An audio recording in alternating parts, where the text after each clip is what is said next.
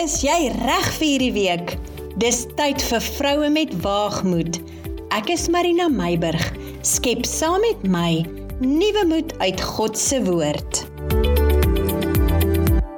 Vrou van waagmoed.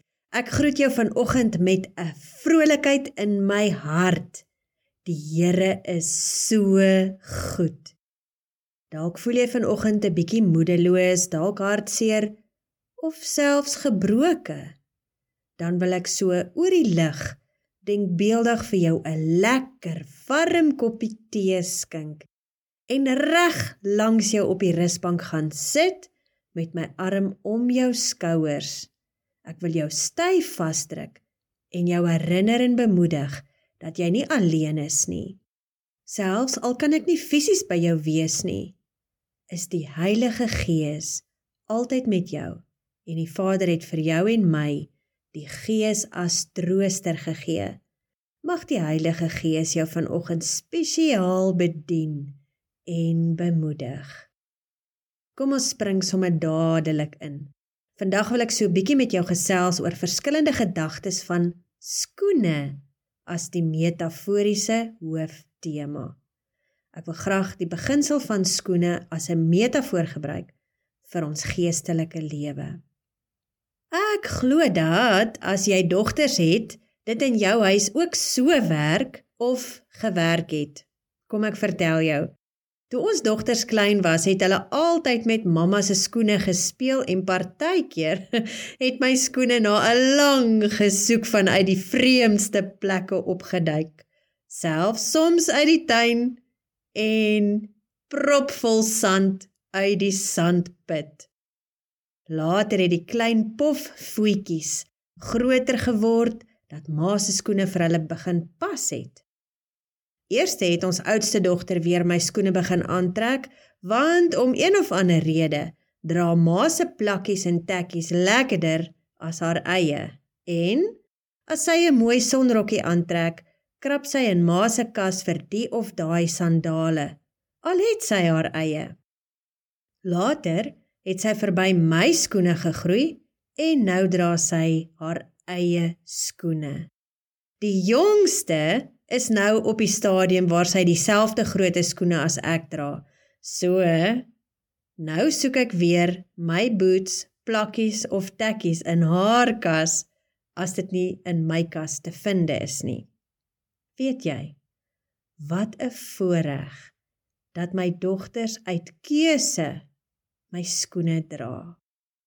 Nou die middag op pad skool toe kuier ek sommer so in die ry lekker in my gedagtes met myself oor die ou dae toe hulle nog klein was en skielik onthou ek van al hierdie skoene stories en ek glimlag by myself oor die lekker onthoudinge daarvan. Terwyl ek so dink oor hoe baie ek na my skoene gesoek het en waar ek dit oral gevind het, begin die Heilige Gees in my hart praat oor hierdie skoene gedagte. Jy weet in alle areas van ons lewe is daar 'n onskuldige speeltydperk waar ons onsself in die rol van iemand anders inspeel. Soos wat ons dogters, mevrou, mevrou en wat nog alles gespeel het met my skoene.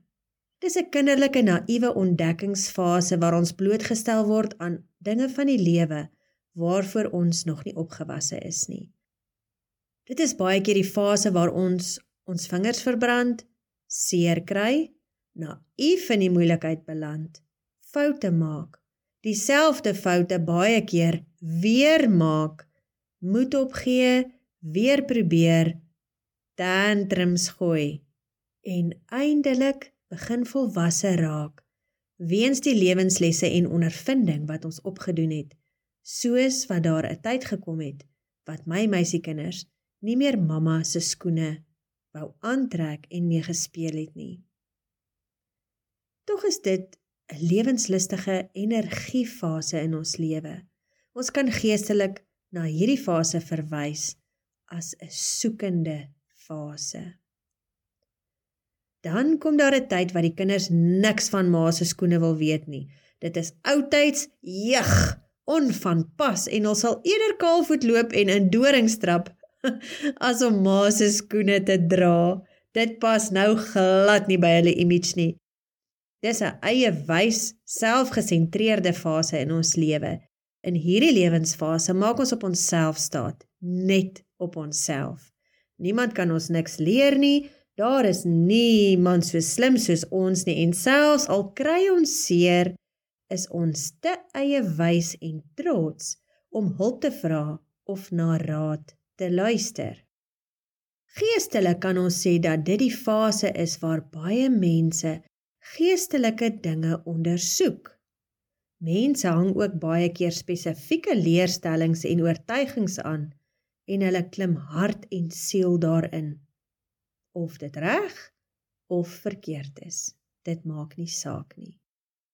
In ons huis het daar weer 'n tyd gekom wat die dogters my skoene begin dra het omdat dit hulle gemaklik gepas het en uit keuse het hulle dit soms bo hul eie skoene verkies. Weet jy in ons geestelike lewe wanneer ons meer volwasse begin raak in ons verhouding met Jesus begin ons identifiseer met gawes en bedieninge waar ons gemaklik inpas en uit keuse raak ons daar betrokke. Baie keer weet ons selfs dat die Here ons spesifieke gawes en talente gegee het om 'n spesifieke rol te vervul, maar omdat 'n bestaande bediening of gemeenskapsdienswerk gemaklik pas en ons daarin tuis voel, kies ons om in iemand anders se skoene, hulle bediening te loop eerder as in ons eie. Nou dit is nie verkeerd om saam met iemand te stap om by hulle te leer nie. Dit is ook nie verkeerd om opleiding in 'n bediening te ontvang om dit eindelik oor te neem nie. Met ander woorde, om te leer om die skoene te dra sodat jy dit later kan oorneem nie. Maar ek wil vanoggend uitkom by jou eie skoene. Net so belangrik as om saam met iemand te loop om geskoold te raak in die doen en late van 'n bediening, so belangrik is dit om in jou eie skoene in te groei wat die Here spesiaal vir jou voorberei het. Kom ek maak myself net so bietjie duideliker. As die Here vir jou die gawe gegee het om met kinders byvoorbeeld te werk, is dit goed om saam met iemand te stap wat aktief in 'n kinderbediening vir die Here werk. Dis goed om die ondervinding en kennis op te doen en om te leer hoe om verantwoordelikheid te neem vir 'n kinderbediening. Maar dis belangrik dat ons nie die persoon by wie ons leer se skoene moet oorneem nie, maar om in ons eie skoene ons gawes, talente, persoonlikheid en die manier hoe die Heilige Gees dit alles saamgebruik, nuwe spore in die werk van die Here met kinders in te bring. Alhoewel dit goed is om van iemand anders te leer, is dit belangrik dat ek en jy in ons eie skoene loop vir die werk van die Here. Al werk ons in 'n span saam met ander, kan ons nie hulle skoene aantrek en op hulle manier spore trap vir die Here nie, want dis nie waar my en jou salwing lê nie. Ons salwing en doel lê in ons eie skoene ons eie gawes, talente, persoonlikheid, ingesteldheid en die manier hoe ons die werk van die Here uitvoer. Kom ons leer om met ander skouer aan skouer te loop, elkeen in hul eie roeping, sodat ons as die liggaam van Christus die volle spektrum van die bedieningswerk vir God se koninkryk kan behartig. As ons almal met een paar skoene wil loop, gaan party se tone nerf af en seer word en ander gaan so slof slof sonder om iewers te kom. Skoene wat te groot of te klein is, is ongemaklik en dit verg soveel energie om die ongemak te verduur en maak ons geheel en al onproduktief en onsuksesvol om vir die Here te werk.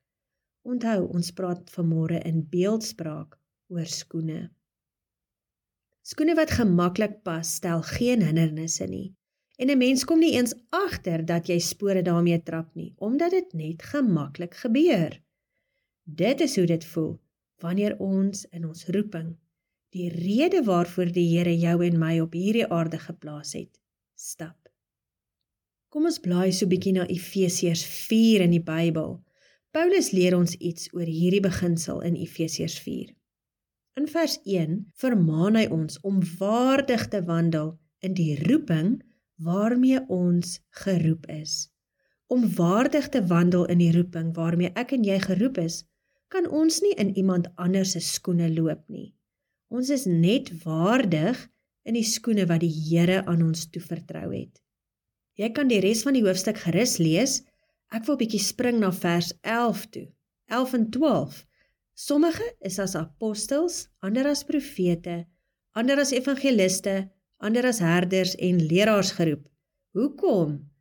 Vers 12 sê: Om die heiliges toe te rus vir hulle dienswerk tot opbouing van die liggaam van Christus.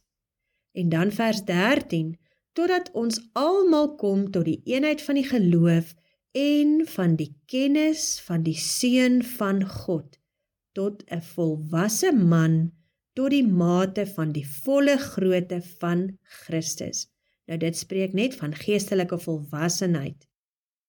En dan in vers 14 sodat ons nie meer kinders sou wees nie wat soos golwe geslinger en heen en weer gedryf word deur elke wind van lering deur die bedriegery van die mense deur sleeheid om lustiglik tot dwaling te bring. Vers 15: Maar terwyl ons in liefde die waarheid betrag, in alles sou opgroei in hom wat die hoof is, naamlik Christus. Vers 16: Uit wie die hele liggaam goed saamgevoeg en saamgebind deur die ondersteuning wat elke lid gee volgens die werking van elke afsonderlike deel in sy mate die groei van die liggaam gevorder vir sy eie opbouing en liefde. Daar het ons die hele skoene beginsel. Vriendin, ek wil jou aanmoedig. Loop met selfvertroue in die skoene wat die Here vir jou gegee het. Dit maak nie saak in watter area die Here jou geroep het om in te funksioneer nie. Dit maak ook nie saak of jy dit voltyds as 'n beroep doen of as 'n bediening of in jou geloofswandel as kind van God nie. Ons roeping word ook nie gemeet aan hoe baie mense ons bereik of hoe groot die platform is waar ons vir die Here werk nie. Jou skoene is jou skoene. As jy spreek woordelik 'n nommer 4 of 5 spoortrap, moenie minderwaardig voel teenoor iemand anders se nommer 7 of 8 spoor nie. God het bepaal dat jy die spoor trap wat jy trap. Trap dit met selfvertroue en in die afhanklikheid van die Here en doen die werk wat hy aan jou toevertrou het op hierdie aarde. Want eindelik gaan dit oor al die spore wat ons gesamentlik trap sodat die liggaam van Christus opgebou kan word en ander op jou pad deur die spoor wat die Here jou in hulle lewe laat trap het tot geloof in Jesus kom sodat hulle ook ingesluit kan word by die familie van Christus. Dit is waarom ons volwassenheid in die geloof moet bereik sodat ons ons eie skoene wat die Here aan ons toevertrou het met waardigheid kan vul tot eer en verheerliking van sy heilige naam. Ek wil afsluit en 'n laaste gedagte op jou skoot neersit. As ek en jy nie geestelik volwasse raak en met waardigheid kan loop in die skoene wat die Here vir my en jou gegee het nie, hoe gaan ons kinders leer om eendag in hul eie skoene wat die Here aan hulle toevertrou te stap? As ouers is dit ons plig om 'n voorbeeld in geestelike volwassenheid te wees vir ons kinders en om waardig die roeping van ons eie skoene vol te staan sodat hulle ook eendag wanneer hulle groot is daardie voorbeeld kan volg en hul eie spore trap vir die evangelie van Jesus Christus in die samelewing. Dit wanneer ons kinders met waardigheid in hulle eie godgegewe skoene kan loop is ons nalatenskap op hierdie aarde. Nou toe ek groet jou vandag Trek daai skoene aan en doen die werk wat die Here aan jou toevertrou het met waardigheid. Ons kuier volgende week verder.